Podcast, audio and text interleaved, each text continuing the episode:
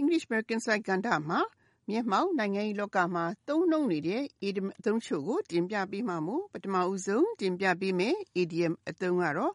the last hurrah ပဲဖြစ်ပါတယ်။စာလုံးပေါင်းက the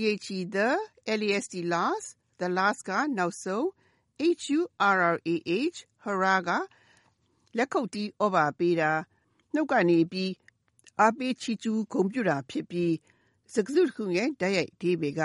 နောက်ဆုံးဩဘာဖြစ်ပါတယ်။ idiom ဆိုတဲ့သွယ်ဝိုက်အဓိပ္ပာယ်က အနုပညာရှင်တူဖြစ်ရင် ပရိသတ်ကို သူ့ရဲ့နောက်ဆုံးနှုတ်ဆက်ဖျော်ဖြေမှုကို တင်ဆက်လိုက်တာပဲ ဖြစ်ပါတယ်။ဒီလိုတင်ဆက်လိုက်ရမှာ ပရိသတ်ရဲ့နှုတ်ဆက်ဩဘာကို သူ့အနေနဲ့ နောက်ဆုံးကြားရမှာ ဖြစ်ပါတယ်။ထင်ရှားတဲ့ခေါင်းဆောင်ဆိုရင်လေသူယာဒူးမထွက်မီ နောက်ဆုံးနှုတ်ဆက်မိကွန်းပြောကြားမှုနှုတ်ဆက်မိကွန်းပြောကြားမှုတမန်လူတူဆိုရင်လေ တခုခုမှအကြာကြီးလှုပ်ဆောင်ခဲ့ပြီးတဲ့နောက် နောက်ဆုံးနားမယူခင် တခုခုနဲ့လက်စွမ်းပြလိုက်တာကို ဆိုလိုတာဖြစ်ပါတယ်။ဒီအသုံးကိုဩဂုတ်လ25ရက်နေ့က အသက်82နှစ်အရွယ်မှာ ဦးနောက်ကင်ဆာရောဂါနဲ့ ကွယ်လွန်သွားတဲ့ ဗီယက်နမ်စစ်ပြန် သူရဲကောင်းလေးဖြစ် Arizona ပြည်နယ်ရဲ့ အထင်ကရ အထက်လွှတ်တော်မှ John McCain အတွက် နိုင်ငံက နှုတ်ဆက်တဲ့ အမှတ်တရ ဝတ်ပြုဆုတောင်းပွဲတွေ ကျင်းပခဲ့ရမှာ တခုကတော့ဩဂုတ်လ29ရက်နေ့က Washington DC မြို့တော်ရှိ National Cathedral ဘုရားရှိခိုးကျောင်းတော်မှာ သမ္မတဟောင်းတွေဖြစ်ကြတဲ့ George W. Bush နဲ့ Barack Obama တို့အပါအဝင် အထင်ကရ ပုဂ္ဂိုလ်တွေက John McCain အသက်ရှင်သန်စဉ်က နိုင်ငံတွေပေးဆပ်ခဲ့မှုတွေ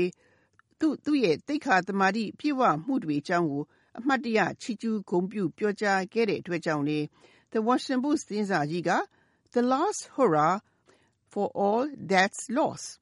ဆုံးရှုံးခဲ့ရမှုမှန်သမျှအတွက်နောက်ဆုံးဂါရဝပြုချီးကျူးမှုဆိုတဲ့ခေါင်းကြီးနဲ့ရေးသားခဲ့တာဖြစ်ပါတယ်။ဒီသုံးနဲ့ပတ်သက်တဲ့ဥပမာကိုလေ့လာကြည့်ကြရအောင်ပါ။ Completing the project was Mary's last hurrah before she retires from her job. ဒီစီမံကိန်းကိုပြီးအောင်လုပ်တာဟာ Mary အတွက်သူ့အလုပ်ကအနားမယူမီနောက်ဆုံးစွမ်းဆောင်မှုပါပဲလို့အဓိပ္ပာယ်ရပါတယ်။ ခုဆက်လက်တင်ပြပေးမှာကတော့ on the edge ဖြစ်ပါတယ်။စာလုံးပေါင်းက on on ကအပေါ်မှာ the ede the edge ကအစွန်းဖြစ်ပြီးစကားစုတစ်ခုရဲ့တိုက်ရိုက်အဓိပ္ပာယ်ကတော့အစွန်းပေါ်မှာရောက်နေတာဖြစ်ပါတယ်။အစွန်းနားရောက်နေတယ်ဆိုရင်အောက်ကိုပြုတ်ချနိုင်ဖို့အန္တရာယ်ရှိတဲ့သဘောမျိုးဖြစ်တဲ့အတွက်ကြောင့်လေ idiom ဆိုတဲ့သွယ်ဝိုက်အဓိပ္ပာယ်ကအန္တရာယ်နဲ့ရင်ဆိုင်ရဖွယ်ရှိတဲ့အတွက်ကြောင့်စိတ်ထဲမှာတထင့်ထင့်နဲ့ ဘယ်တော့ဖြစ်မလဲဘယ်တော့ဖြစ်မလဲဆိုပြီးအမြဲစိုးရိမ်ရတဲ့အခြေအနေမျိုးကိုဆိုလိုတာဖြစ်ပါတယ်။ဒီအသုံးကိုသမ္မတဟောင်း Richard Nixon ပြုတ်ကျစေခဲ့တဲ့ Watergate အရှုပ်တော်ပုံအကြောင်းရေးသားခဲ့သူ Washington Post သတင်းအယ်ဒီတာ Bob Woodward ကအခုတခါအိမ်ဖြူတော်မှာသမ္မတ Donald Trump ဘယ်လိုအခြေအနေတွေကသောင်းကနင်းဖြစ်နေတယ်ဆိုတာကိုသတင်းတောက်တွေအိမ်ဖြူတော်အရာရှိဟောင်းတွေနဲ့တွေ့ဆုံပြီး Fear ဆိုတဲ့ခေါင်းစဉ်နဲ့ရေးသားခဲ့တဲ့ စာအုပ်မကြာမီထွက်တော်မှာဖြစ်တဲ့အတွက်ကြောင့်လေ The Washington Post သတင်းစာကြီးက On the edge in Trump's West Wing Trump ရဲ့အိမ်ဖြူတော်အနောက်ဘက်ခြမ်းမှာစိုးရိမ်စိတ်တွေဖြစ်နေပြီဆိုတဲ့ခေါင်းကြီးနဲ့ရေးသားခဲ့တာဖြစ်ပါတယ်။ဒီသုံးနဲ့ပတ်သက်တဲ့ဥမာကိုလေ့လာကြည့်ကြရအောင်ပါ။ After the school's shooting last month, we were all on the edge in our town. ပြီးခဲ့တဲ့လကကျောင်းမှာတနက်ပစ်ခတ်မှုဖြစ်ပွားခဲ့ခြင်းပြီး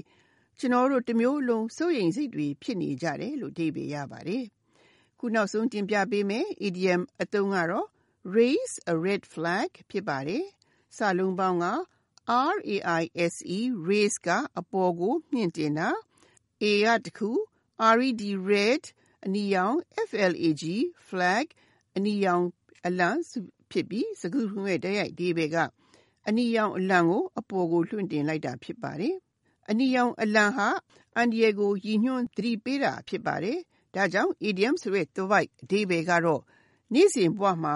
တခုခုနဲ့ ပတ်သက်လို့ လူတဦးကို အန္တရာယ်ရှိတယ် ထိခိုက်နိုင်ပွဲရှိတယ်ဆိုတာကို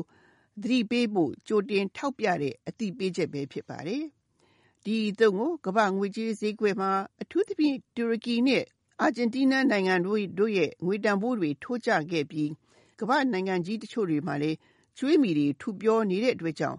ဒါဟာစီးပွားရေးကတ်ဆိုင်တော့မယ်အန်ဒီရဖြစ်တဲ့ကြိုတင်သတိပေးချက်တွေဖြစ်တဲ့ဆိုပြီး Washington Post သတင်းစာကြီးက Global debt raises red flags ဆိုတဲ့ခေါင်းကြီးနဲ့ရေးသားခဲ့တာဖြစ်ပါတယ်။ဒီသုံးနဲ့ပတ်သက်တဲ့ဥပမာကိုလေ့လာကြည့်ကြရအောင်ပါ။ His outburst raised a red flag that he was not a person to do business with. သူရုတ်တရက်ဒေါသပုံထတာကိုကြည့်ခြင်းအပြင် သူဟာ စီးပွားရေးလုပ်ဖို့ ကောင်းတဲ့လူမဟုတ်ဘူးဆိုတာကို အသိပေးရရောက်တယ်လို့ အဓိပ္ပာယ်ရပါတယ်။ဒီသတင်းပါတင်ပြခဲ့တဲ့ idiom အသုံးတွေကတော့ the last hurrah on the edge နဲ့ raise a red flag တို့ ဖြစ်ကြပါတယ်။နောက်သတင်းပါခုလိုချိန်မျိုးမှာလည်း နောက်ထပ် idiom အသုံးတွေကို ဆက်လက်တင်ပြပေးဦးမှာမို့ စောင့်မျှော်နားဆင်ကြပါရှင်